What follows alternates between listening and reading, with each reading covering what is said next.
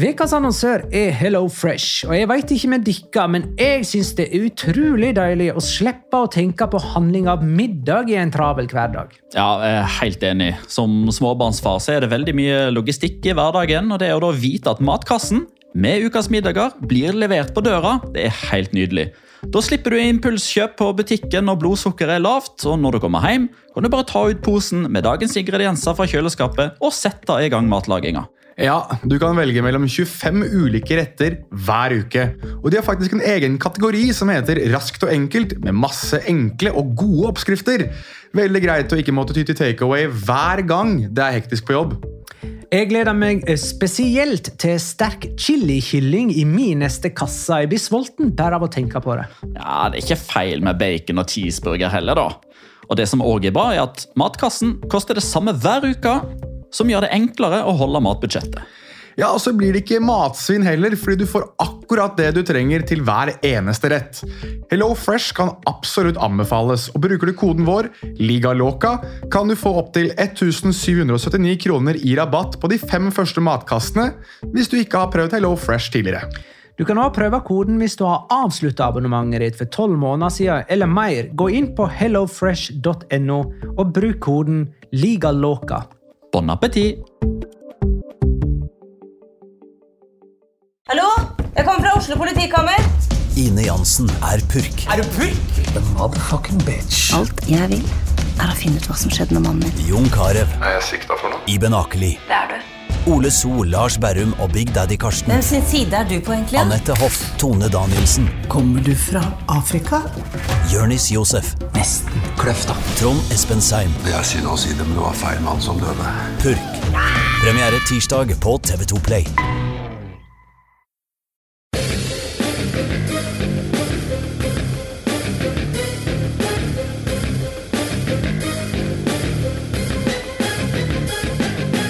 Har du sett?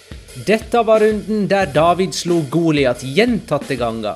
Español slo Real Madrid, Granada slo Sevilla, Retafe tok poeng, og til og med Villarreal vant en kamp. Men på Wanda Metropolitano ble det ingen David mot Goliat-eventyr. Barcelona har rett og slett ingen redskap for å slå de store for tiden. La liga loca. En litt gærnere fotball. Ja, ja, ja. Dette er La Liga Loca, episode 177 av det ordinære slaget med Jonas Giæver i Oslo sentrum. Hei. Shalom in the home, shalom in the home. Eh, Petter Wæland på Vestlandet. I Odda! I Odda. I på, Odda. eh, på gutterommet der jeg vokste opp. Er det høstferie, da, Petter? Det er helt riktig, Magnar. Nå er det høstferie for barn, eh, og da må man eh, forsøke å ta seg litt eh, fri innimellom òg, sånn at vi får reist og besøkt litt familie. Ikke dumt, ikke dumt. Og jeg heter Magnar Kvalvik. Jeg er på Bjerke i Oslo. Tar aldri ferie, bortsett fra litt seinere denne veka. Hei, Magnar. Halla, halla Magnar. Hei, hei. Skal vi begynne med runde åtte kamp for kamp? Det kan vi godt gjøre. Ok, da gjør vi det. Eh, Atletic Alaves 1-0. Raúl Garcia matchvinner for Atletic i et aldri så lite Baskar-derby. Han har skåra i 16 av sine 18 La Liga-sesonger. Har vi undersnakka det? Eh, om vi har undersnakka det Nei, du må ha 17 av 18 for at vi skal snakke om det, syns jeg. Ok, Ja. det er greit. Um, Inyaki Williams starta kampen og har dermed spilt 203 strake La Liga-kamper. Det er La Liga-rekord. Nå er altså den eh, Men nå slutter vi å snakke om det, sant? Ja, jeg Nå er vi vel ferdige med det, eller? ja, Vær så snill, kan vi slutte å prate om det nå? Nå har han tatt rekorden. Nå er eh, Nå kan vi liksom Sist helg nå så var det Han har spilt alle kamper siden sånn og sånn og sånn. Nå er det greit. Nå er det ferdig. Nå kan han få lov til å få den rekorden for seg selv, og så snakker vi aldri mer om det igjen. Noensinne. Nest- Takk skal du ha. Neste gang vi snakker om Inyaki Williams, er faktisk når vi kan stadfeste Å ja, han fikk faktisk spille alle de kampene etter hvert bare fordi han skulle ta rekorden. For snart blir han benka. Til fordel Ja, for det blir, det blir spennende å se når han blir benka. Men- uh, men er det- allerede neste kamp.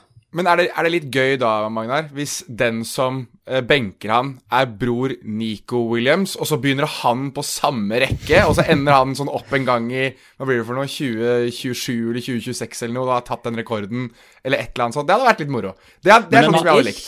Men en annen ting som vi skal fortsette med, nå skal vi begynne å telle på José Luis Morales, for nå er jo han 109 på rad. Så han er uh, he, He's coming for Injaki Williams. Jeg, jeg tror han har 110, faktisk. Oi! Med, Enda med denne helga. Mm. Eh, Men jeg skal ikke si det helt sikkert. Det må, det må vi gå nærmere etter i sømmene når vi får tid. Mm. Sånn rundt uh, Ja, nå blir det da august-september 2024. Da er kommandanten på topp. Eh, Alaves tapte altså denne kampen og ligger nest sist med sin ene seier mot Atletico Madrid.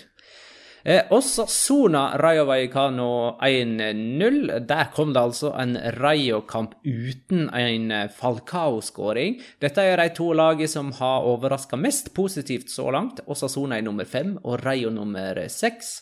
Manu Sanchez ble matchvinner for Osasuna med skåring på overtid.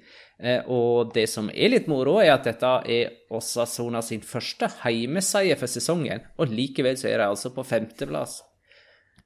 Er det noe annet moro de har lyst til å si om den kampen? Ja, jeg vil gjerne si en ting her. her var, dette var vel den første kampen denne serierunden der man hadde 100% i hvert fall tilgang på supportere. At supportere kunne fylle opp stadion. Og det la man jo ordentlig merke til med eh, overtidsskåring og hurrum hei. Men, men samtidig så Jeg må få sagt det at Osasuna er killer of all joy. altså. Nå har vi liksom sittet og hyllet Rayo Vallecano, Falcao og alt sammen der. Fryd og gammen, Andoni Raiola er et trenergeni og sånn. Og så er det liksom det er Jakob og Arrazate, og det er en scoring på overtid som liksom bare skal gi de tidene spark i mellomgulvet. Det er, det er så typisk Osasuna. Men dette er også sånn type kamper som gjør at Osasuna kommer til å bli værende i La Liga i ganske mange sesonger. I hvert fall så lenge Jakob Arrazate er der. Det er liksom Mendilibar all over again, føler jeg, da, med han her. Eh, kunne ikke man ha fullsatt på Atletic Alaves? Nei. Nei, det er vel Baskeland er vel, eh, er vel det eneste Ah. området som eh, kun kan ha 60 Petter? Er det det? Ja, det stemmer. Og her får man jo igjen en sånn der, eh, et bevis på at i, i noen tilfeller så er Navarra Baskeland, og i andre Ja. tilfeller så er det ikke. Ja, riktig. Riktig. uh, Mallorca levante 1-0. Eh, Tidligere Getafe-spiller Angel Rodriguez matchvinner for Mallorca i det samme minuttet som han ble bytta inn, mer eller mindre. Eh, Mallorca-spiller Pablo Maffeo ropte til Levante-trener Paco Lopez at han bare hadde to dager igjen av jobben sin, men der tok han feil. Paco Lopez fikk sparken dagen etter dette oppgjøret. 16 seriekamper på rad uten seier for Levante, som sist vant en kamp i april. Um, hva? Ja, bare veldig kjapt. Jeg, jeg ser um, Til våre lyttere som ikke ser oss ja, men til, jeg, jeg vil at du skal ta det, men til våre lyttere som ikke ser oss Da uh, scoringen her ble nevnt, så gliste Petter som en sånn, der, som en sånn lite Som om han var en liten gutt på gutterommet sitt igjen. Og jeg vet nøyaktig hvorfor. Og derfor så vil jeg at Petter, jeg vil at du skal forklare oss hvorfor sitter du og gliser når du tenker på denne scoringen. Det er pga. at Idrisso Baba har hatt tidenes målfeiring av eh, et mål som ikke har blitt skåra av han som feira. Eh, og Jeg la ut et bilde av det, for det var jo en eh, fotograf der eh, fra La Liga som foreviga dette bildet der eh, verden til Idrisso Baba faktisk er snudd opp ned. For han tror han har skåra sitt første mål noensinne for Mallorca og i La Liga. Og hvis du kikker litt godt i bakgrunnen der, så ser du nettopp Angel Rodriguez bare titte bort på faen er det han der holder på med? Hvorfor blir han så glad for at jeg skåra? Eh, For der var det jo ganske lenge litt sånn tvil om var det Baba eller var det Angel som skåra. Eh, Og nå har jo alle statistikere og dommer og La Liga alle har talt. Det var Angel som skåra, ikke Baba. Det er, og det er en par ting til her vi må ta med i denne feiringen til Idris Baba. Fordi eh, altså, Det er jo spektakulært nok når du ser noen som tar en liten sånn backflip, sånn salto, og skal feire. Problemet med Idris Obaba sin er jo det at han bestemmer seg tydeligvis i lufta på vei ned at han skal kjøre en sånn liten corkscrew på sida der også, og lander jo helt feil. Og mens han ligger der, og det ser tilsynelatende ganske greit ut, så er det en eller annen Mallorca-spiller, for jeg har sett etter reprise, jeg ser ikke hvem det er, som klarer å klaske hånda si direkte der det gjør som vondest for stakkars Idris Obaba, som blir liggende og holde seg mellom beina eh, i smerte. Så det er liksom Det er double whammy på alle mulige måter for eh, Idris Obaba. Eh, 16 seriekamper på rad uten seier for Levante, som sist vant en kamp i april. Det tror jeg faktisk at jeg sa i stad. Eh, José Luis Morales bomma på straffe for Levante, og gjorde ikke tre treneren sin noen eh, tjeneste der. Paco Lopez ble også den første treneren som fikk sparken. Ja, den Var vant du- så vidt. Var det du som hadde den, Magnar? Var det du som hadde Paco Lopez, eller var det Petter? Det var en som hadde det. Nei. Petter har nevnt det, men jeg tror Jeg tror jeg har helgardert meg litt eh, i løpet av disse episodene som har vært. Jeg har nevnt Paco Lopez, men jeg tror jeg har nevnt et par andre òg som i alle fall bør få fyken. Ja. Eh, vi kommer til han eller de etter hvert. Det gjør vi. Er vi ferdig med Mallorca Levante? Eh, Ja. ja. Cádiz Valencia 0-0. Fire strake uten seier nå for Valencia, som åpna sesongen ganske friskt. Eh, Dette var første gang de gikk målløse av banen, og de var det eneste laget som hadde skåra i alle kamper før eh, denne runden. Eh, Chris Robin Eriksen lurer på om vi skal dele ut, en kaktus til Kadis-supporterne her. Ja, det, det kan vi godt gjøre. Altså, jeg skulle akkurat til å si at Den kampen her trenger vi kanskje ikke å snakke så veldig mye mer om, for det var jo knapt noe som skjedde her. Men ja, altså det, Hva skal man si? Altså, jeg, På en måte så skjønner jeg Kadi-supporterne. Det som skjer, er jo at uh, Mukhtar Jakabi blir byttet innpå for, for Valencia. Og for de som husker det fra fjorårssesongen, så eh, anklaget jo Mukhtar Jakabi Juan Cala, altså Kadi-stopper Juan Cala, for å komme med noen rasistiske ytringer til ham. Og det gjorde at han eh, gikk jo av banen, og Valencia-spillerne truet med å gå av banen, men så endte de opp med at det kun var Jakabi som gikk av banen alene, eh, og ble sittende alene på tribunen som en sånn eh, ensom ulv nesten mot rasismen. Da. Det var jo slått opp stort i spansk presse og, og det som var, bare for de som ikke husker bakgrunnen for dette. Eh, og det som skjedde nå i den kampen her, som ble spilt på Nu- Nueva Mirandia, var jo det at eh, hver gang Diakabi var borti ballen, så begynte Cádiz-sporterne å bue på ham. Eh, og det er, så, det er så tarvelig og så ekkelt og så vondt, egentlig, å, å se på. Samtidig Samtidig så skjønner jeg jo også at uh, Cádiz-supporterne vil jo støtte Juan Cala, som har gjort Altså Hver eneste gang han har blitt intervjuet og spurt om dette, så nekter han for å ha sagt noe som helst. Men måten Cádiz-supporterne velger å vise kanskje sin støtte til Juan Cala, blir å vise sin avsky overfor Mukhtar Jakabi, som, som hevder, og som mener, og som helt sikkert har rett i at han har følt seg rasistisk behandlet av en motspiller på banen. Eh, Da er det så enorm skivebom, og så enormt tarvelig og skammelig av supporterne å gjøre et poeng ut av det hver gang den spilleren, den ensomme spilleren, er borti ballen i det som er da kall returkampen da, mellom disse to spillerne. Så um, kaktus og, og egentlig en ganske lang og hard skjennepreken tror jeg er på sin plass for samtlige Kadi-supportere som valgte å bue. Men eh, de er vel ikke anklaga for rasisme, i det minste? Nei, de er jo ikke det. Bare Eh, buing nå, liksom. Det, nei, buing, det er jo buingen er jo mot Jakabi, da. Altså Ja.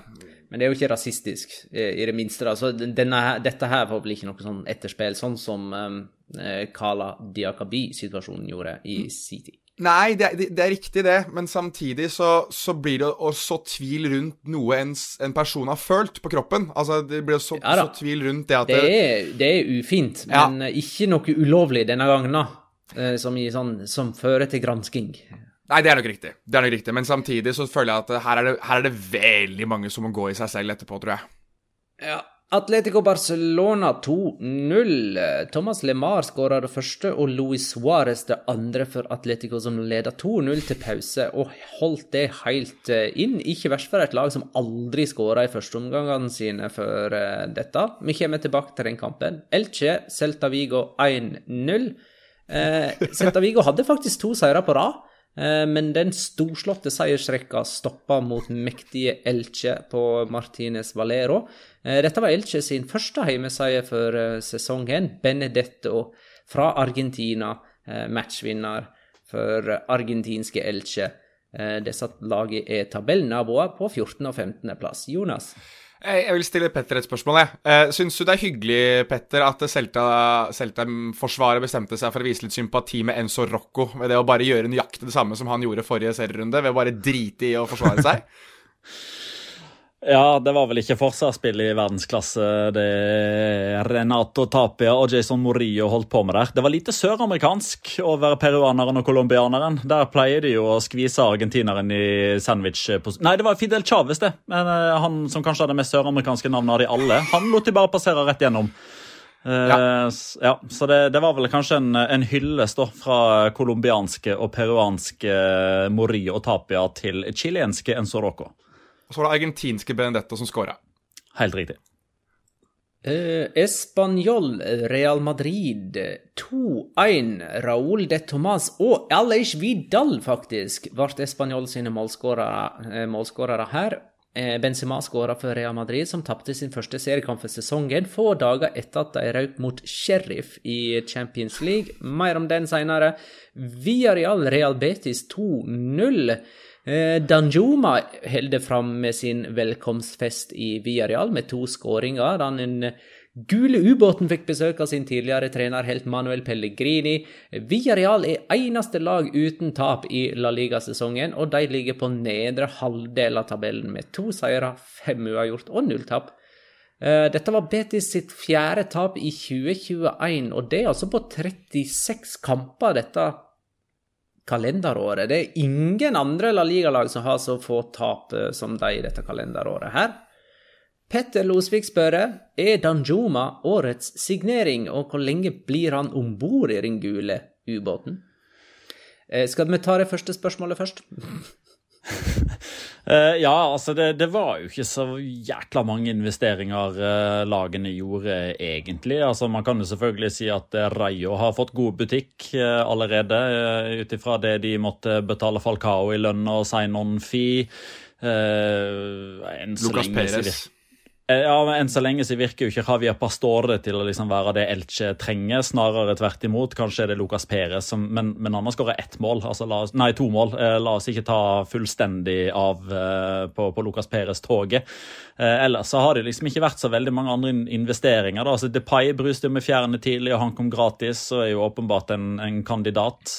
Men akkurat nå så syns jeg liksom at Danjuma ser ut til å til å være like god som det championship-følgerne, altså Eirik Aase og eh, Arnstein Friling. eh, Kenneth, eh, som jeg aldri husker etternavnet på, som er Norwich-supporter, var jo òg uh, fra seg av begeistring for hva eh, Danjuma hadde gjort i Bournemouth. eh, så det Og han er liksom Han er en sånn type som Eh, han er liksom ikke en sånn dukk-opp-type som bare plutselig skårer et par mål her og der. Altså, han er jo den desidert mest aktive og mest involverte og ikke minst klart beste offensive spilleren til Villarreal i hver eneste kamp. Og det er på eh, La Ceramica mot Betis. Eh, det er tidvis mot Real Madrid på Santiago Bernabeu. Det var stort sett hele tida på Old Trafford mot Manchester United. Så han er i kanonform nå. Og, Peter Losvik lurer jo òg på om du gleder deg til å, så, å se Serge Aurier i gult. Eh, Vet du hva? Uh, her fikk, jeg fikk faktisk en enormt bra beskrivelse Uh, av Serge, Serge Aurier. Altså, jeg har jo sett han nok til å ha en egen uh, mening om han. Jeg skal bare se om jeg finner han fram her igjen. Fordi det, det er rett og slett uh, Skal vi se Det er rett og slett spillervarianten av Unai Emeri. Rune Bjerke er det. Eh, et fagmann. Aurier var totalt sett ganske bra forrige sesong. Problemet er at han har en tendens til å være bra i 93 minutter, for så å gjøre ting man ikke trodde var mulig. Så, akkurat sånn som Emeri. Bytte seg bort på slutten av kampen. 93 minutter. Da, så det er liksom i de over overtidsminuttene at det går ille, da.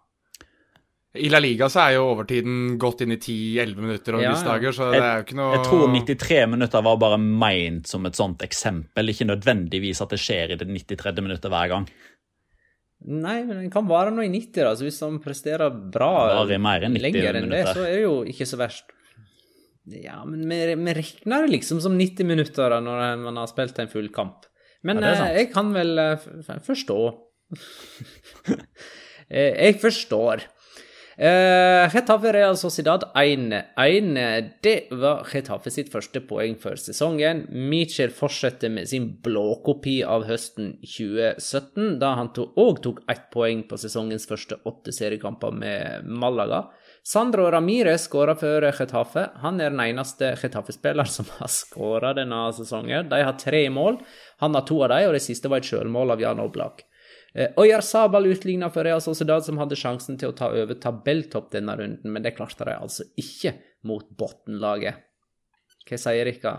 Det passer seg veldig bra da, at det er Sandro Ramires som, eh, som Altså, i det som da blir Mitchell sin siste kamp, så er han også typ den eneste spilleren som har fungert under Mitchell som typ hele trenerkarrieren til Mitchell, eller? Altså det er kun Sandro Ramire som har funket sånn gjennom hele veien fra Malaga til Getafe, liksom, så um, Altså, jeg husker sønnen hans, si Adrian at Gonzales.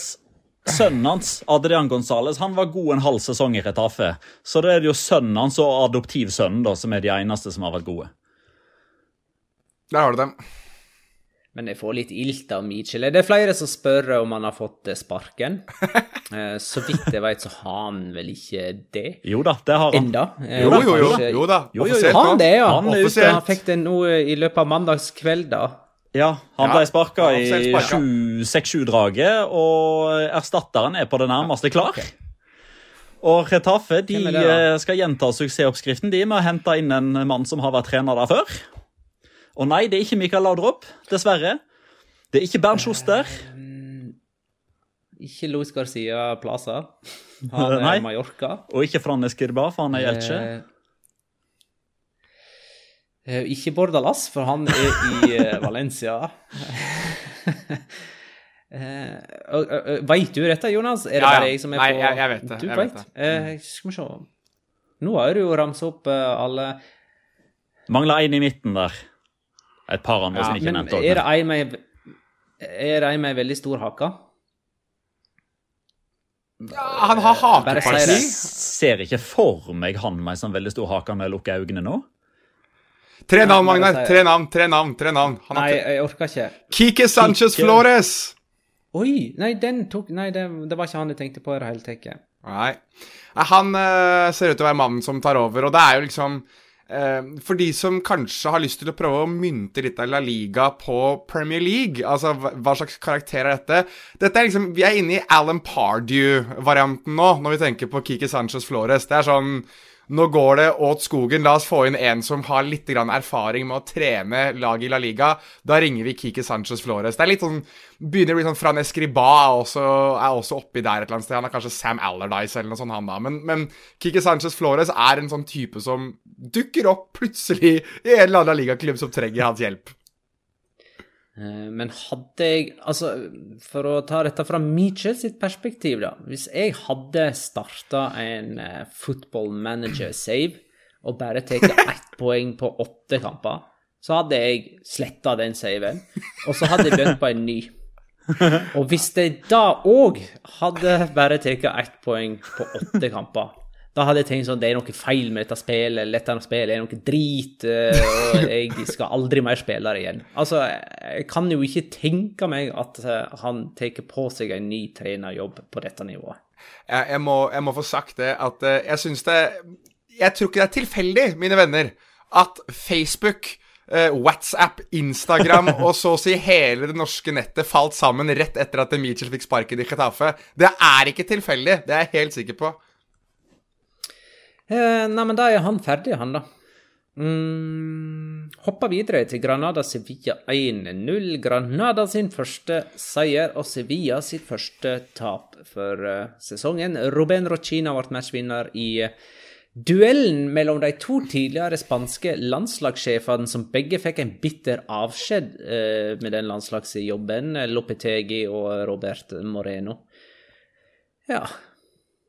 Jeg syns den er Er det noen som eh, vet hvor Fernando Hierro var, var på søndag klokka ni, eller? Valladolid.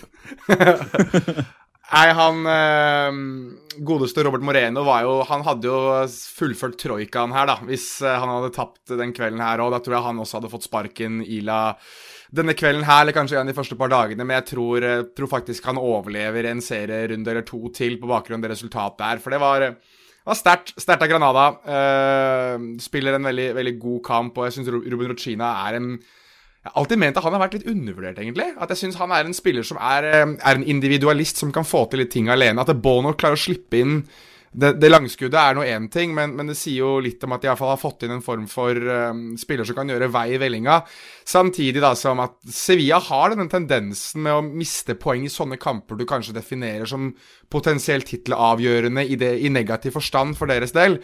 Og når de da i tillegg har eh, Diego Carlos som ser ut som en sånn metaversjon av Maritzo Lemos, så vet jeg liksom ikke helt hva vi hvor sitter vi Hvor står Sevilla litt sånn anno, anno slutten av, eller starten av oktober 2021? Ja, for meg er dette en bekreftelse på at Sevilla ikke er liksom uh, for topplag å regne. Mens det er motsatt, altså, eller ikke motsatt nødvendigvis, men når Real Madrid taper for Español, så ser jeg på, på, det som å skli på et bananskall. Mens når Sevilla taper mot Granada, så er det en bekreftelse på at de er ikke gode nok. For skal Sevilla nå toppen, så må de slå lag de skal være bedre enn. For det er liksom Når de møter de andre storklubbene, så reiser storklubbene seg for anledningen og liksom vinner de kampene der.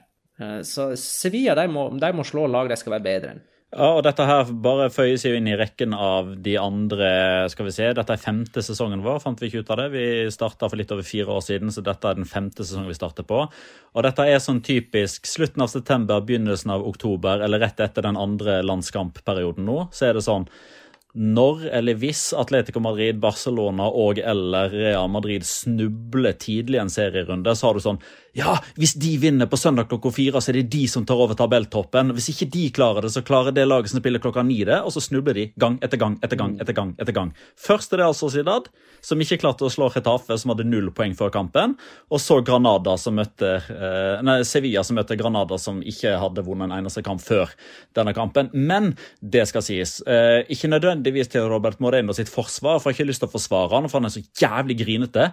Men Granada er faktisk det laget som har leda i flest minutter av alle lag i La Liga denne sesongen. her.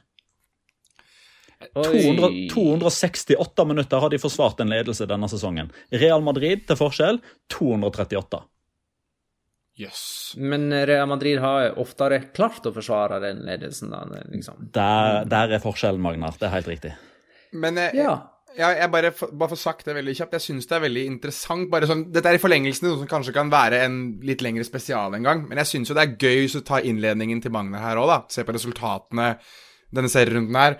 Greit nok, Atletico Madrid og Barcelona møter jo hverandre, så der er det litt sånn vanskelig å på en måte si at den ene storkanonen taper mot en mindre klubb, men Atletico Madrid slår Barcelona, Español slår Real Madrid, Getafe, som var bunnlag, 1-1 mot Real Sociedad, som kunne gått på eh, Eller som kunne tatt tabelltoppen. Granada slår Sevilla, som mange mener at det potensielt sett er en tittelkandidat. Altså, det er Og i tillegg til det, da, så har du da eksempel eh, Cádiz 0-0 mot Valencia, som er en for noen som, noen som, mener at Valencia kanskje har vært mye bedre den sesongen enn de var i fjorårssesongen. Altså, det er en liga som er jevnere enn noen gang, da. Um, så det, spenningen lever jo i hvert fall. Da er vi vel kanskje tilbake igjen på det spørsmålet som Eirik Horvath eh, stiller, og som vi har fått eh, flere ganger hver sesong vi har drevet på. Det er mange rare resultater om dagen. Er det et tegn på at La Liga er bedre eller dårligere enn på lenge? Eh, og jeg eh, tar med det spørsmålet fordi at jeg mener det er fordi at eh, La Liga er litt dårligere eh, enn på lenge. Ja. Jonas? Nei, jeg vil da si at det er litt sånn tveegget sverd der. For at du kan på en måte nesten ikke Du kan ikke vinne den diskusjonen der. For hadde du hatt Barcelona og Real Madrid som hadde turet av gårde på toppen, eller Atletico Madrid for den saks skyld, så hadde man snakket om at å, La Liga er så dritt, det er bare to lag på toppen, det er bare tre lag på toppen Mens nå jo, når det er ganske... Det er jo ikke en diskusjon man skal vinne, det er jo bare å uh, liksom uh, Hva syns man, liksom? Men, men, dette handler om hvilket narrativ du sitter med. Altså, Hva er din intensjon i den diskusjonen? Vil du bevise at La Liga er bra, fordi det er jevnt, det er gøy, alle kan slå alle? Nei, eller? du vil bare fremme det du syns.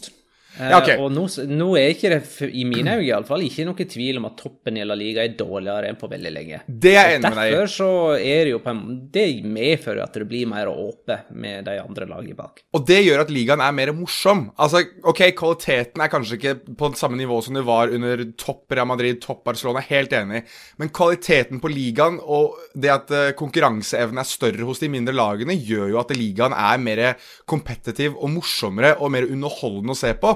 Du setter deg ikke ned en søndagskveld da og ser f.eks. Español Real Madrid og vet at ja, nei, Real Madrid vinner, spørsmålet er bare med hvor mange. Nå går man inn i de kampene og tenker at oi, altså Spanjol kan faktisk vinne det her. Og det, det er i hvert fall for meg, som liker å se underdoger vinne, f.eks., og som liker å se den type historier, syns at en liga som si, oppfører seg mer på den måten, er, er langt mer underholdende. Det er mitt. Men jeg er enig, men jeg er enig i poenget ditt, Magnar, at eh, kvaliteten har nok blitt litt eh, dårligere. Det er jeg enig i. Men jeg syns det, det var moro før òg, jeg. eh, Altså Når Real Madrid møtte Spanjol, og Real Madrid var mye større favoritter enn nå, så var det jo en enda større sensasjon om Spanjol faktisk skulle vinne. Altså Noe av det jeg husker best eh, fra sånn ti år tilbake, var at Real Saragossa vant på eh, på Santiago Bernabeu mot et helt uslåelig Real Madrid. Eh, Sporting Gijon gjorde det samme. altså Det var jo sensasjon av dimensjoner. Jeg husker når Ercoles slo Guardiolas Barcelona. Det var jo med, Nelson Aedo Valdes og Valdez, ja, Det, det, er så, altså, det er jo historisk. David ikke det, det er jo legendarisk. Fantastisk. Ja, Så altså, det hadde de, sin de, sjarm, det jo. de overraskelsesaspektene der blir jo mindre. Eh, men jeg synes, eh, Det er ikke nødvendigvis elefanten i rommet, fordi det er jo liksom ikke sånn der klein greier på noe som helst måte. Men jeg syns det uh, igjen som kanskje òg kan være en del av en sånn spesial eller en lengre episode, i og med at Jonas nevner det, som, som jeg ikke skal greie ut om her. men en diskusjon som jeg savner, eller et, et poeng i diskusjonen som jeg kanskje savner, det er jo at når vi, eh, og det inkluderer meg sjøl, påpeker at det skåres færre mål enn før, og at det ikke nødvendigvis spilles like mange målrike kamper, og målsnittet går ned fordi først forsvant Neymar, og så forsvant Cristiano Ronaldo, og så forsvant Lionel Messi, det er jo liksom det åpenbare. Det spørsmålet som jeg har lyst til å stille, som jeg kommer til å vurdere eller analysere litt mer eh, konkret i hodet mitt i de neste dagene, det er, er rett og slett målsnittet i La Liga. Går det ned utelukkende pga. at de offensive profilene ikke tar tak og er gode nok, eller er det faktisk forsvarsspillet i La Liga som er en helt egen klasse nå? Eh, Sammenligna med for tre, fire, fem år siden. Og så kan vi godt si at det, eh, For det, det at målsnittet går ned, det er jo én av to, eller miksen av de. Enten så er angriperne dårligere, eller så er forsvarsspillerne blitt bedre, eventuelt keeperne. Eller så er det en kombinasjon av det.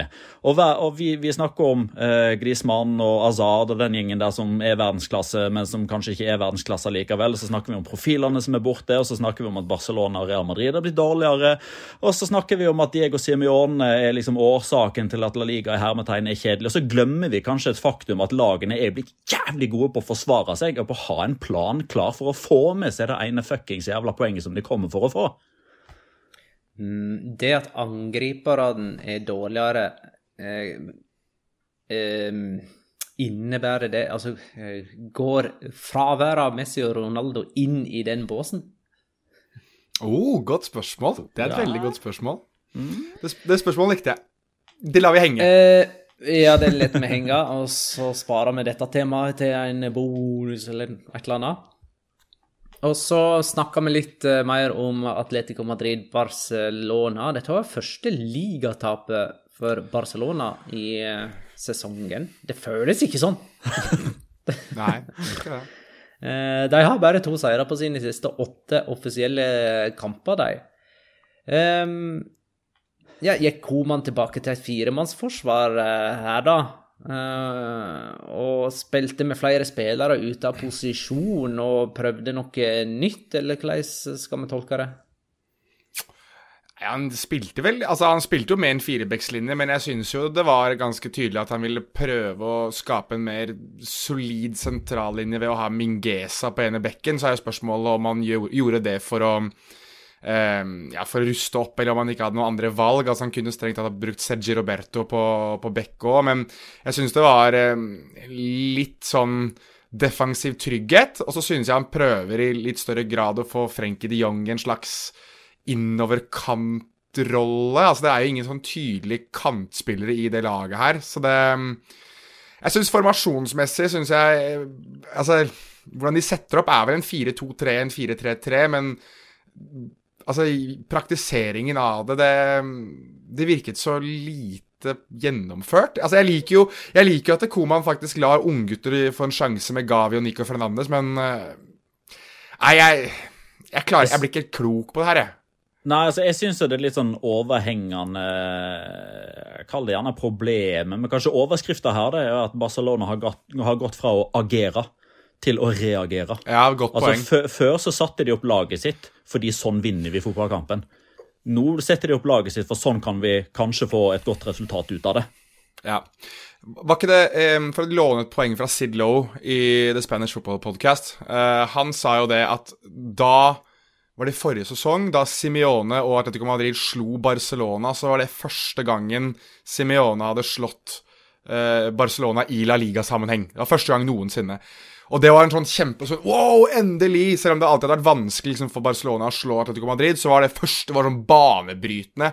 Mens den kampen her, så er man liksom litt sånn Å ja, men det var jo ikke så overraskende, var det vel, at det skjedde? Altså, Man har gått i så mange år. Vi husker at Diego Simione nesten har vært i Atletico Madrid i ti år. Vi har gått så mange år og ventet på det. Og så skjedde forrige sesong, og denne sesongen her så er det bare sånn Ja, men det var jo ikke, det var ikke overraskende. Nei, og, og, noen ganger altså kan sånne ting gjenspeiles litt i tall. Eh, for man kan, man kan mene sitt om hva bookmakere holder på med, om det er liksom djevelens verk eller om det er underholdningsverktøy osv. Men de som er oddssettere jeg kan godt ta, ta Norsk Tipping sin sak, siden de er monopolister, og at det er helt ok så lenge man spiller hos de. De hadde jo Atletico Madrid som relativt store favoritter, sånn relativt sett. Eh, og i alle år som jeg har spilt på oddsen, eh, det vil si siden jeg leverte min første oddskupong da jeg var 10-11 år gammel i 97 Aldri sett så høy odds på Barcelona i en La Liga-kamp før. Og det forteller seg klare språk om hvor den klubben befinner seg for øyeblikket. Mm. Og under koma så har ikke Barcelona skåra et eneste mål på Atletico Madrid og de har spilt tre kamper. Nei. Så Nei. nå begynner det å bli, nå begynner det å bli en vane. Det gjør jo det. Og, ja, og, ja. og en annen vane òg er jo at eh, Barcelona bortimot kaster gode spisser i retning eh, Atletico Madrid, og så avgjør de. Ja, og så sender de forsvarerne sine i angrep ved siden av Luke de Jong. for, for, å skaffe utligna. Det som er skummelt for Atletico Madrid, er at de får masse selvtillit av dette her og glemmer at Barcelona er et middelmådig lag for øyeblikket. Dette er godt nytt for Atletico Madrids neste motstander i La Liga. Ja, hvem er det? Er det Real Sociedad? Nei, Nei de møter Mallorca. Granada, Atlet Granada, Granada. Det er Granada, sier Jonas. Vi får tru han på det, da. Okay. Jeg har terminlista foran meg her, så det er det. Hjemme eller borte? Eh, borte. Oi, oi, oi. Ja. Ja, der snubla de sikkert. Der snubler de. Eh, det, men, men er, det et, er, det et, bananskall i så fall, Magnar? Snubler Atletico på et bananskall hvis de taper der? Eller stadfester de da at de ikke er et topplag? Nei, det er bananskall. Det er bananskall. Det, det er sånne som Sevilla eh, og andre sånne som eh, leker Som er litt som topplag? ja, folk som, eh, sånne klubber som i, i, i sesonginnledningen skal lures til å tro at det har noe i toppen å gjøre. Um, Mathias Bolghaug Pinto skriver Er det snart på tide at Suárez kommer over at Koman solgte han? Nei. Jeg, nei, vet du hva? Nei, det der, det der liker jeg. jeg. jeg. liker det der, jeg. Jeg liker at Suárez uh, Så lenge han ikke biter folk, så er det veldig greit at han bærer nag til, uh, til trenere og til spillere og gjør, en, gjør, et poeng ut av det underveis i kamper og underveis i intervjuer. Jeg liker det. det er litt sånn Michael Jordan over han. For det Suárez gjorde, det var altså å, vise, eh, å holde, eh, ja, gestikulere en telefon eh, mens han så opp mot tribunen der Koman satt suspendert som han var. Og eh, det var jo da antagelig en referanse til den telefonen Koman ga eh, Luis Suárez i fjor om at han ikke var ønska lenger i Barcelona. Ja, jeg, jeg synes uh, Luis Suárez må jo være verdens mest humørsyke fotballspiller. Det er han jo egentlig òg, men når du først da uh, scorer målet, og så er du så veldig sånn der Å nei, jeg vil ikke feire, å nei, og uh, hendene foldet, og så videre. Og så går det typ fem sekunder, og så bare Ja, Halla! Halla! til Ronald Coman opp mot uh, der hvor han sitter. Så det er liksom Han må bestemme seg litt for om han skal være vondbråten og sint, eller om han skal være veldig beklagelig overfor klubben han er så glad i. Men jeg syns det var um, For jeg sender det over til deg, Petter. Jeg syns det var veldig sånn Jeg syns det var feigt, det. Jeg så at uh, vår venn Christina Paulos i TV 2 stilte jo spørsmål til Ronald Coman etter kampen om det. om altså La du merke til Louis Suárez, og at han på en måte har snakket mye om det. Han ville ikke svare på det engang. Og at han liksom sånn Dette her gidder jeg ikke å ha noe med å gjøre. Der blir jeg sånn Kom igjen, da. Ha lite grann Du er nederlender, liksom. Vær litt Louis van Hall, bare lite grann, da. Ja. Nei, altså, jeg er, jeg er, på deres eh, side. Jeg, jeg, er ganske sikker på at den, eh, den gestikuleringa der var meint til Ronald Koman, men, men, la oss bare ha det nevnt da at Louis Suárez i intervju med Movistar etterpå sa at det var eh, noe han hadde lova barna eh, å gjøre fordi eh, det, det, Jeg skjønte ja. ikke helt hva det var han liksom forsøkte om. Det var det snakk om at nå skulle de snart få seg en telefon, eller vennene til barna hadde bedt om å få telefonnummeret hans, eller et eller annet sånt. Han drev og snakka seg bort i et eller annet sånt argument om at nei, nei, nei, det var ikke til Koman. Eh, forstår vi at du at vi, liksom, Og så fikk han oppfølgingsspørsmål. Og forstår du at vi stiller spørsmål om det var til Koman? Og så bare Han med, med, disse faktaene eh, og disse gestikulasjonene så Han framstår jo veldig langsint. Han legger ikke raskt bak seg ting som på en måte har stritta imot han. Eh, men ja, ja, han, han har prestert, da, i det minste. La, la, det nå være sagt at Luis Suárez var eh, fotballspilleren som ventet i nesten ett år på å ikke ta Patrice Evra i hånda etter at han var suspendert for rasisme. Så dette her er en kar som er langsint, ja. Så det jeg, Andre refereringer til rasisme i denne episoden det kan jeg, godt, kan jeg godt slutte med, føler jeg. Men uansett, eh, det er verdt å ha påpekt at eh, at uh, Luis Suárez er en type Og jeg har lest boka hans, faktisk. Jeg har lest uh, den han ga ut åh, andre sesongen i Barcelona, tredje sesongen, et eller annet sånt nå. Og der gjør han det også til et poeng at han er en type som øh, finner motivasjon da, i en del av de tingene der. En motivasjon i det at folk sier at han ikke kan gjøre ting. og Det var jo en greie med hun kona hans, blant annet, at hun flyttet fra ham osv. da de var unge. Og det var motivasjon for han til å bli profesjonell fotballspiller, så han kunne dra og møte henne igjen en dag. da.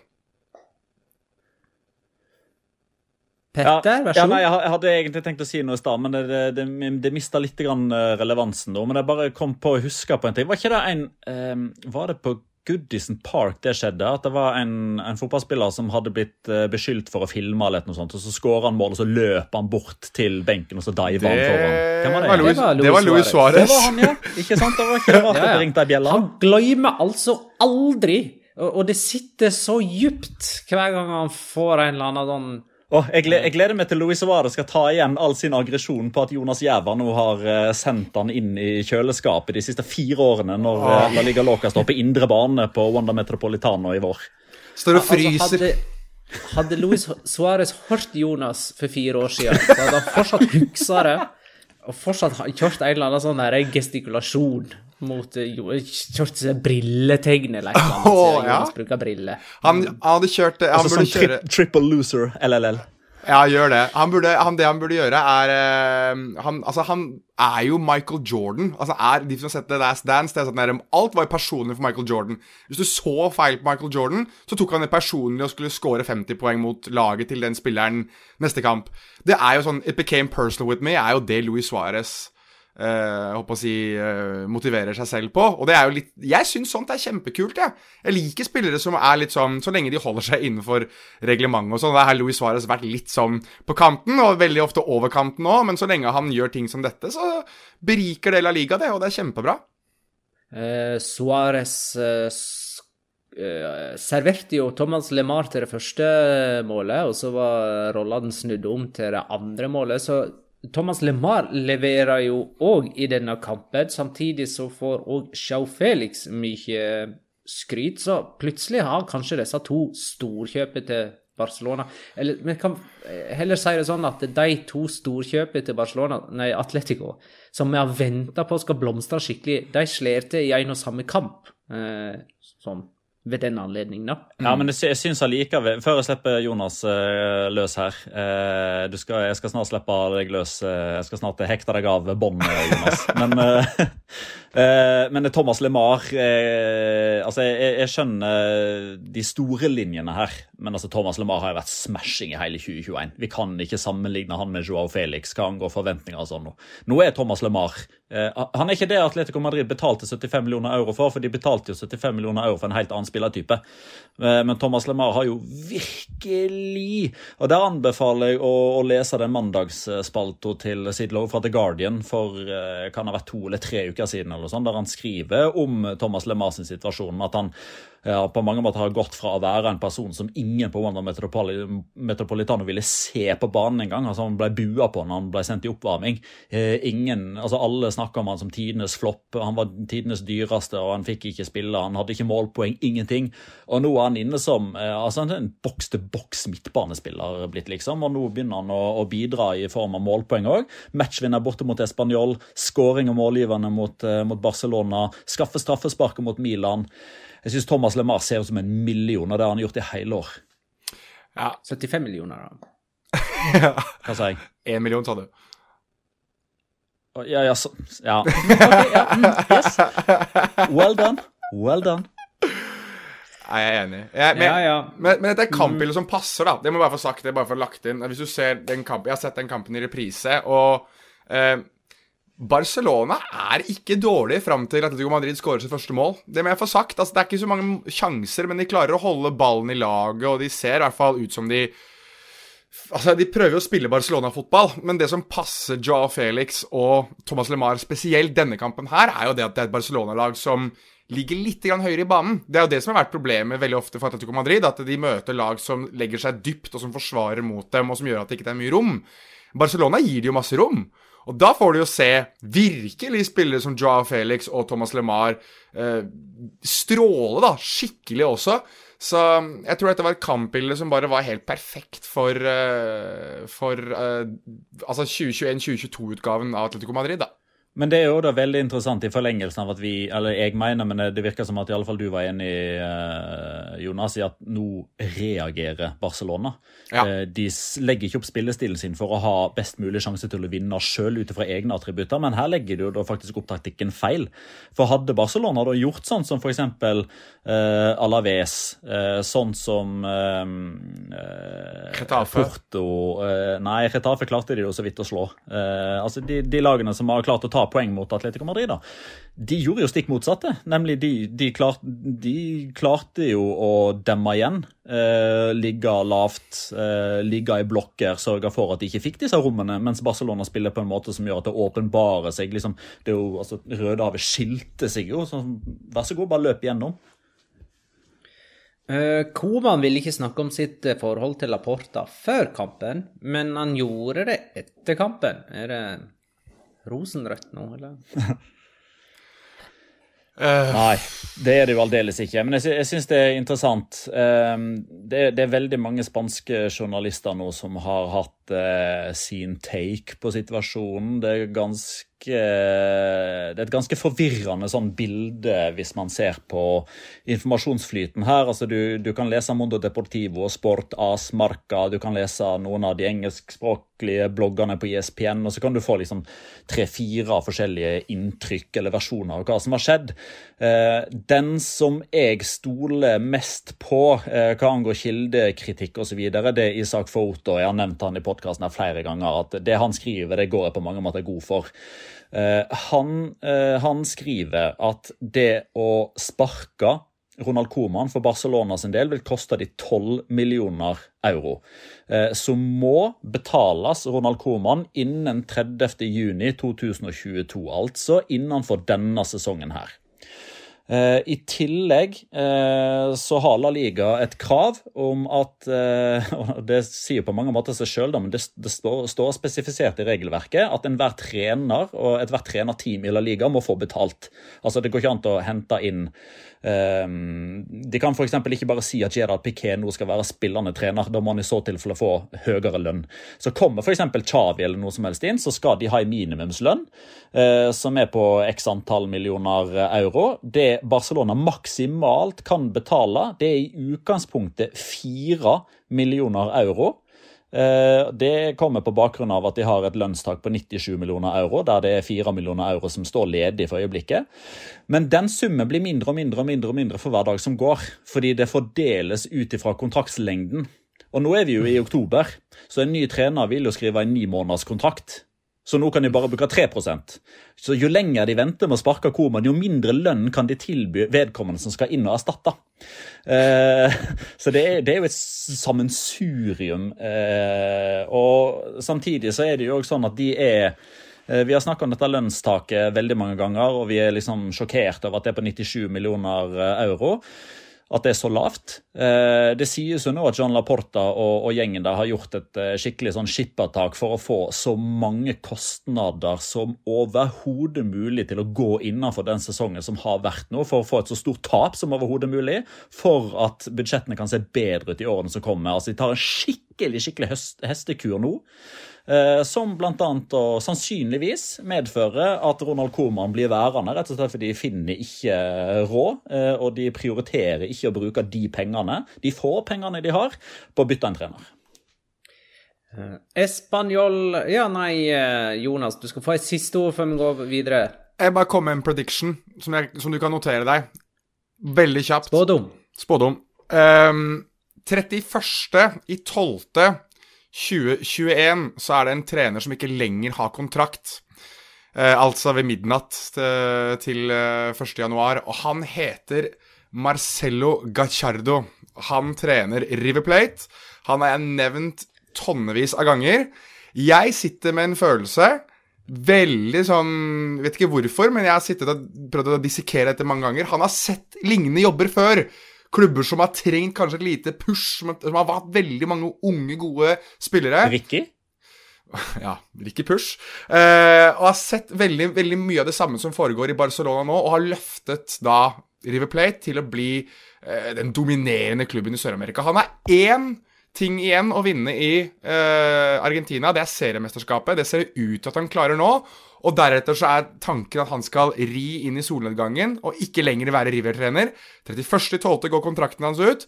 Jeg blir ikke overrasket hvis Barcelona tenker at oi, kanskje vi skal trykke litt på alert-knappen her nå og få han inn. Så det er min prediction, at Marcelo Gallardo tar over Barcelona i løpet av januar måned.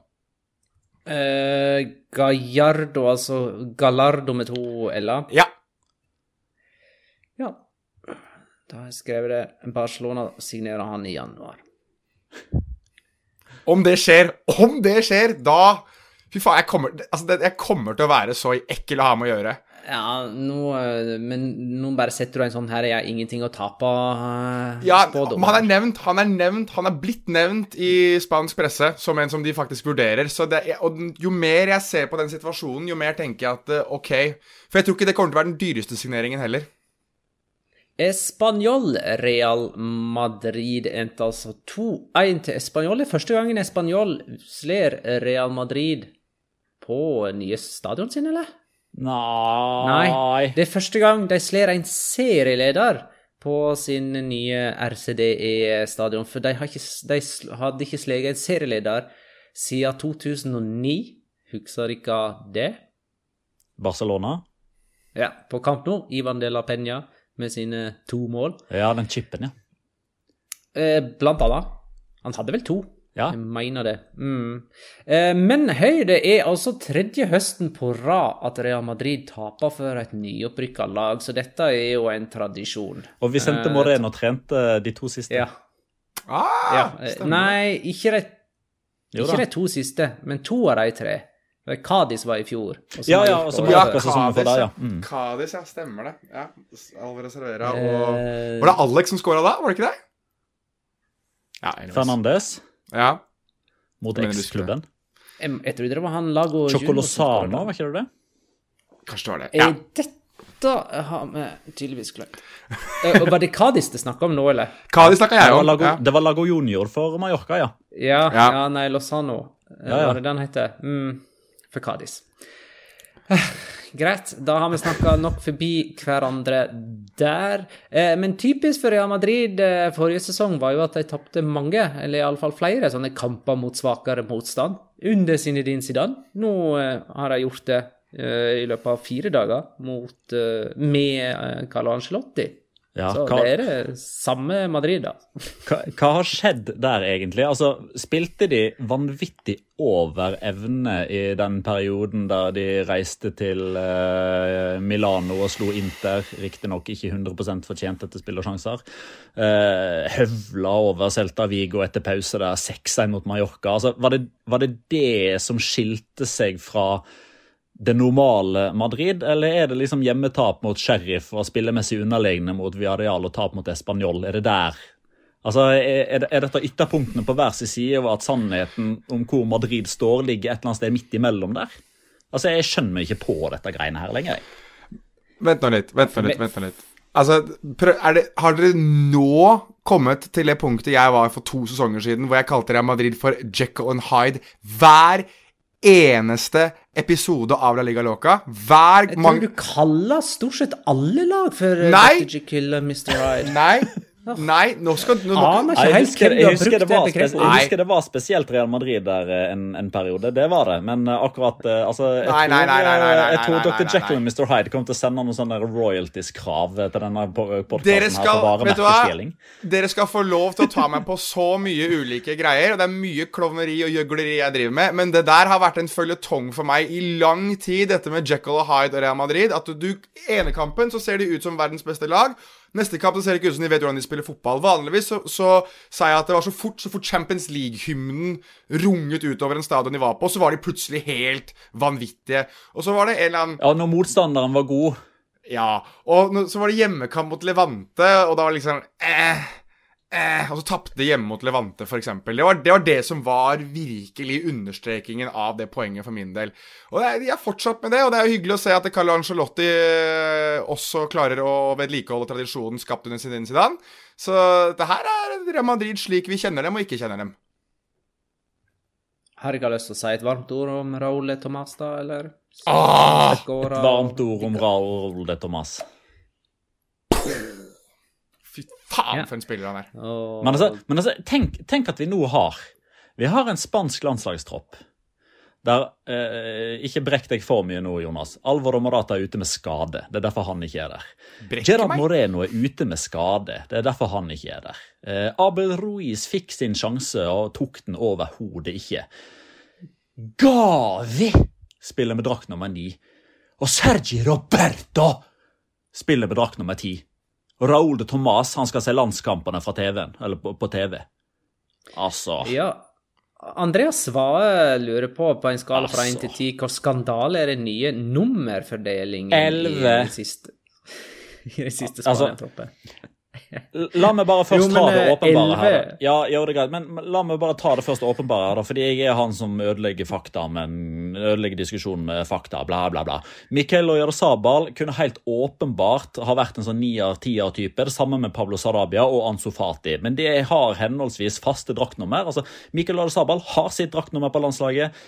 Det har Pablo Sarabia òg, og Ansu Fati ute med skade. Så noen må liksom ta disse ledige numrene fordi og Morata, som vanligvis har nieren, nå er ute. Men la de nå heller spille med nummer 32 og 74, da. Men jeg er enig, ja. Eh, Raúl de Tomàs hadde vært spennende å se på det spanske landslaget. Det er ganske mange andre jeg skulle sett på det spanske landslaget enn de som er der nå, i hvert fall. Og når uh, Bryce Mendes er ute med skade, og det er Sergi Roberto som er inne som erstatter, da tror jeg vi Vi snakker om at Norge har et skadeproblem. Eh, OK, det er liksom hold my beer fra Spania akkurat nå, med hvordan de plukker spillere. Jeg eh, Ja, nei, jeg vet ikke hvem som blir neste på lista, jeg. Ha en større pott å, å plukke fra. Eh, Det skal de ha. Ja. Definitivt. Ja. Selv om det kanskje ikke virker sånn hvis det er Sergi Roberto som er nød, nød, nød, nød, nødløsninga. Eh, vi får kåre rundens spiller, da.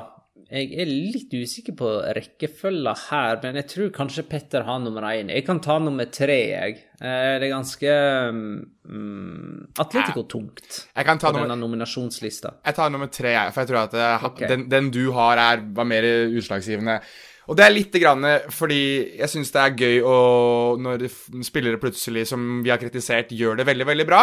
Og jeg har jo vært eh, veldig Det er mange spillere jeg har slakta, men en som kanskje har fått veldig mye slakt i det siste, er Joao Felix. Og med rette, når det koster så mye som han gjør, og ikke har vist noen ting av det, og ikke har spilt en god fotballkamp siden før pandemien, så syns jeg det er greit å, å kritisere. Men den kampen her mot Barcelona så viser Joao Felix litt mer av hvorfor eh, Atletico Madrid brukte 126 millioner euro på ham. Eh, en del av de raidene hans, en del av det å komme dypt og, og orkestrere en del av spillet som Atletico Madrid har, det synes jeg er altså så enormt godt å se på. Den, den trioen med han, Lemar og Suárez, den tror jeg kan bli ekstremt tasty utover i sesongen hvis de får muligheten til å spille sammen. Um, så jeg har sagt det før, og jeg synes at Joao Felix er det nærmeste jeg har sett en spiller være gode, gamle Kaka. Og i den kampen her så er han fullstendig kaka, og det er, eh, det er gøy å se. Så da får han eh, tredjeplassen for for også da være tredje sist på ballen to ganger i det, det oppgjøret her. Ok, ja, Da har jeg jo allerede nevnt han som er nummer to på lista. Det er Thomas eh, Lemar, min eh, nominasjon. Eh, han har vi jo allerede snakka om. Eh, og Petter nevnte jo at eh, de endelig liksom får betalt for uh, den uh, overgangssummen de punga ut for han. Men jeggu var uh, Simione og Atletico tålmodige med han òg. Det, det, det er noen år siden han ble kjøpt. Akkurat nå virker han veldig strålende og framstår liksom som den kreative nøkkelen i hele Atletico eh, Madrid-laget. Så han eh, får andreplassen her, da. Jeg må bare nevne Alexander Larsen, eh, som skriver at eh, Eller han ber oss snakke litt om Le Maradona. Å, oh, herregud. det har vi gjort.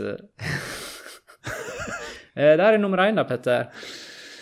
Ja, eh, vi har snakka litt eh, grann om han eh, tidligere fordi han var så toneangivende for eh, Viareal mot eh, Real Betis, og det er jo Arnaut eh, Danjuma. Han får egentlig Altså, Jeg, jeg syns både Thomas Lemar og Felix spiller liksom enda bedre kamper motstanderen, tatt i betraktning. Ja da, jeg vet at Barcelona er liksom De, de er ikke helt der oppe før, men det, det er en større anledning, en større begivenhet. Og det er kanskje et større, kall det liksom hei, her er jeg-moment fra Joao Felix. For Anotan Juma får egentlig sånn samle ja, samle førsteplass, egentlig, etter en veldig god periode nå, som kulminerte i to skåringer.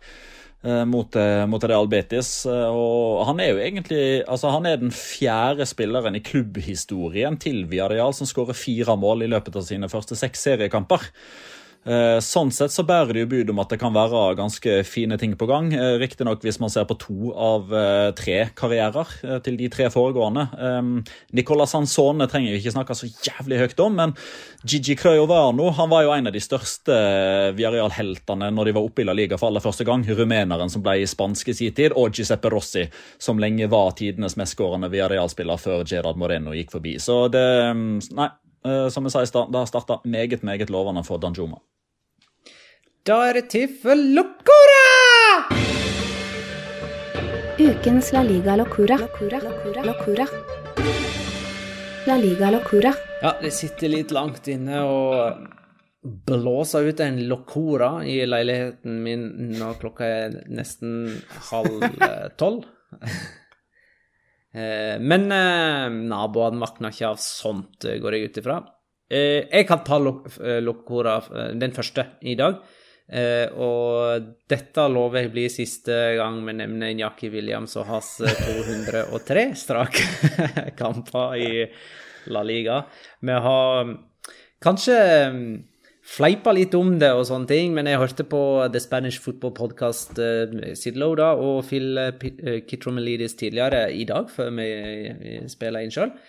og de satt i grunnen ting bra i perspektiv eh, for meg, så jeg tenker vi- skal ta det der litt på alvor. I fem år, over fem år nå, så har altså Inyaki Williams spilt samtlige kamper. Han har ikke, han har ikke vært syk en eneste gang. Han har ikke fått karantene en eneste gang. Han har ikke blitt vraka av alle de ulike trenere Atletic Klubb har hatt i denne perioden. Det er faktisk egentlig Og han har, han har ikke hatt mageskjau eller noe oppkast eller noe. Han har ikke hatt ei gravid kone som skal føde på sykehjemmet.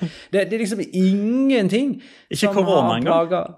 Ikke korona. eh, Ikke fått noen muskelskader på denne eksplosive stilen sin. Så det å holde det gående så lenge, det er faktisk en ganske lokoriansk prestasjon, eh, sånn når man ser litt nærmere på det. Neste. Jonas. Man får sagt Inyaki Williams må jo leve verdens kjedeligste liv når du legger det fram sånn. Men eh, godt, veldig godt poeng. Eh, min locora var jo egentlig litt uh, dette Kadis Jakabi-greiene, men jeg hadde en backup. Og det er eh, det som eh, i dagene før denne serierunden her ble omtalt som hashtag Mission Crystal Palace. Eh, fordi det er altså Getafe er jo en klubb som gjør veldig mye rart, og som blant annet de lagde jo en pornofilm i sin tid for å prøve å fostre fram nye, neste generasjons Getafe-supportere osv. Jo mindre vi snakker om det Med zombier. ja, Los Zombies eller Getafe eller noe sånt het vel den. eh, som var interessant nok. Men nå har de da eh, laget en video. eh, og har da startet det som kalles for eh, Mission Crystal Palace, for å bare oversette til engelsk. Eller Mission Crystal Palace på spansk. Der de eh, har sett at også Crystal Palace i sin tid, altså i 17-18-sesongen, tapte sine første syv seriekamper, for så å slå Chelsea. Så de har jo nå da bestemt seg for at de skal eh, ta eh, Hva skal jeg kalle det for noe?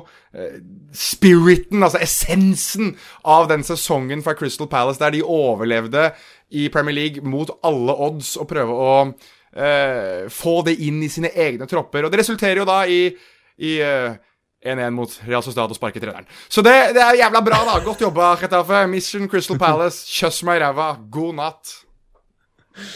Dette. Uh, ja, jeg har, uh, jeg har tre små. Uh, men altså når du begynte å snakke nå, Jonas, om at du, du hadde en liten sånn locora med Diakabi og Kala, men du hadde en i reserve som var helt sikker på at du skulle ta vel av gutten vår, eh, Pedro Ja. Benito. Eh, Ja. Men locoraen der altså Han debuterte for Cádiz. Eh, en eh, 20 år gammel spiss som er liksom Claudio Caniggia reborn. Altså eh, Langt flagrende hår, rett inn i en Vella-reklame.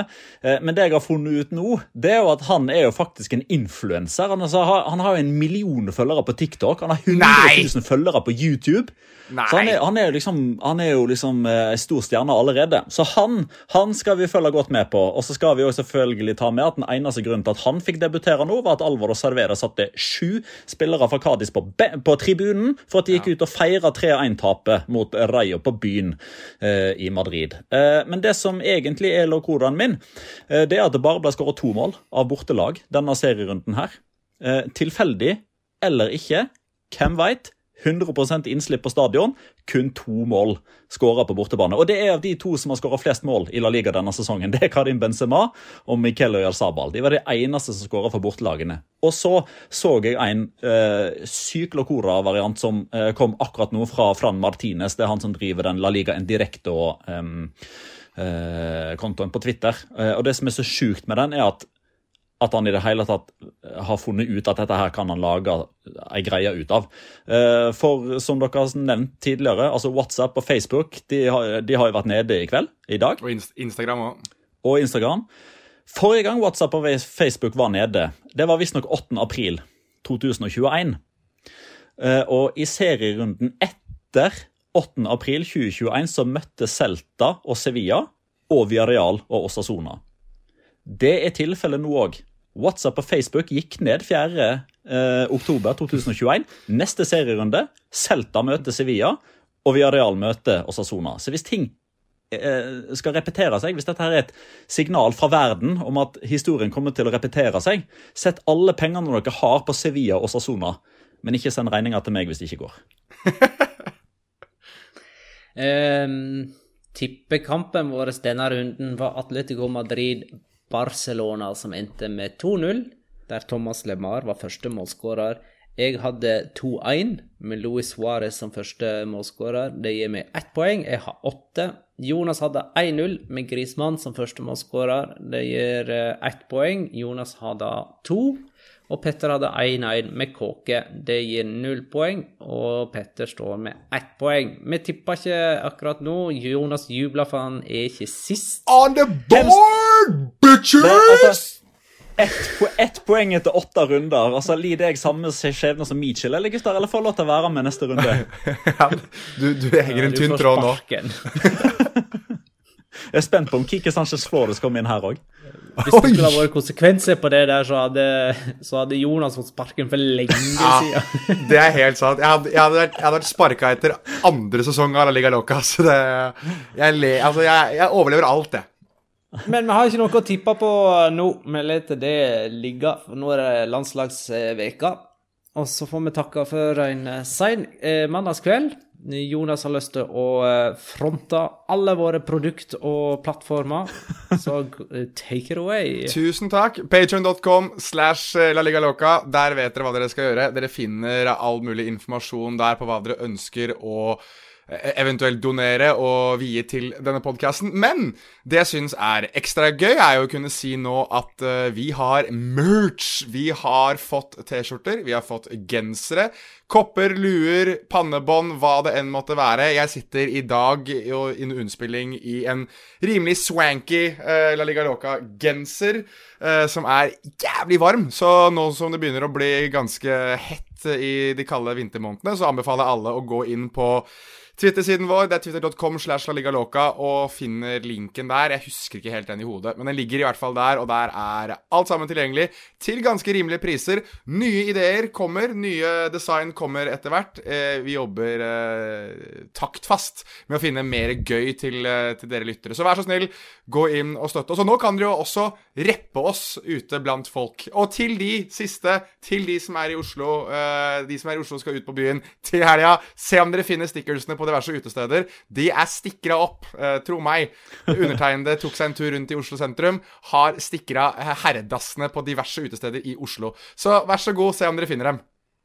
Eh, Jeg glemte en liten ting under smalltalken, Magna. Kan jeg ta det nå? Ja. Hva har skjedd med panna di, Jonas? Jo, du vet du hva, det lurer jeg på. Eh, det er et eller annet som har skjedd med den. Jeg tror jeg vet hva det var. Jeg eh, skulle inn på herretoalettet, og da idet jeg skulle inn, så skulle en ut, så da smalt døra i trynet mitt. Så jeg tror Var det da du eh, klistra opp en sticker? Nei, det, det var det ikke. Da hadde jeg allerede klistra opp sticker uh, litt tidligere den kvelden, vel, tror jeg. Eh, Men i hvert fall smalt godt, og dette er resultatet. Det gjør ikke noe vondt, men jeg ser ut som Mikhail Gorbatsjev, eh, tidligere russ sovjetisk president, men det får være en annen ting. Alle med blåveiser eller blåmerker eller skurver rundt omkring som er godt synlige i ansiktet, har gått på ei dør eller snubla i ei trapp. Nei, dette her er faktisk helt sant. Altså, Magnus Bernstrøm er mitt vitne. Jeg gjorde ingenting galt natt til Du søndag. skulle ikke sett han andre, altså? Nei. Hysj, snakker ikke Nei, om det. det De som vet, de vet. Da, da runder vi av. Tusen takk for at du lytta, kjære lytter. Ha det, da.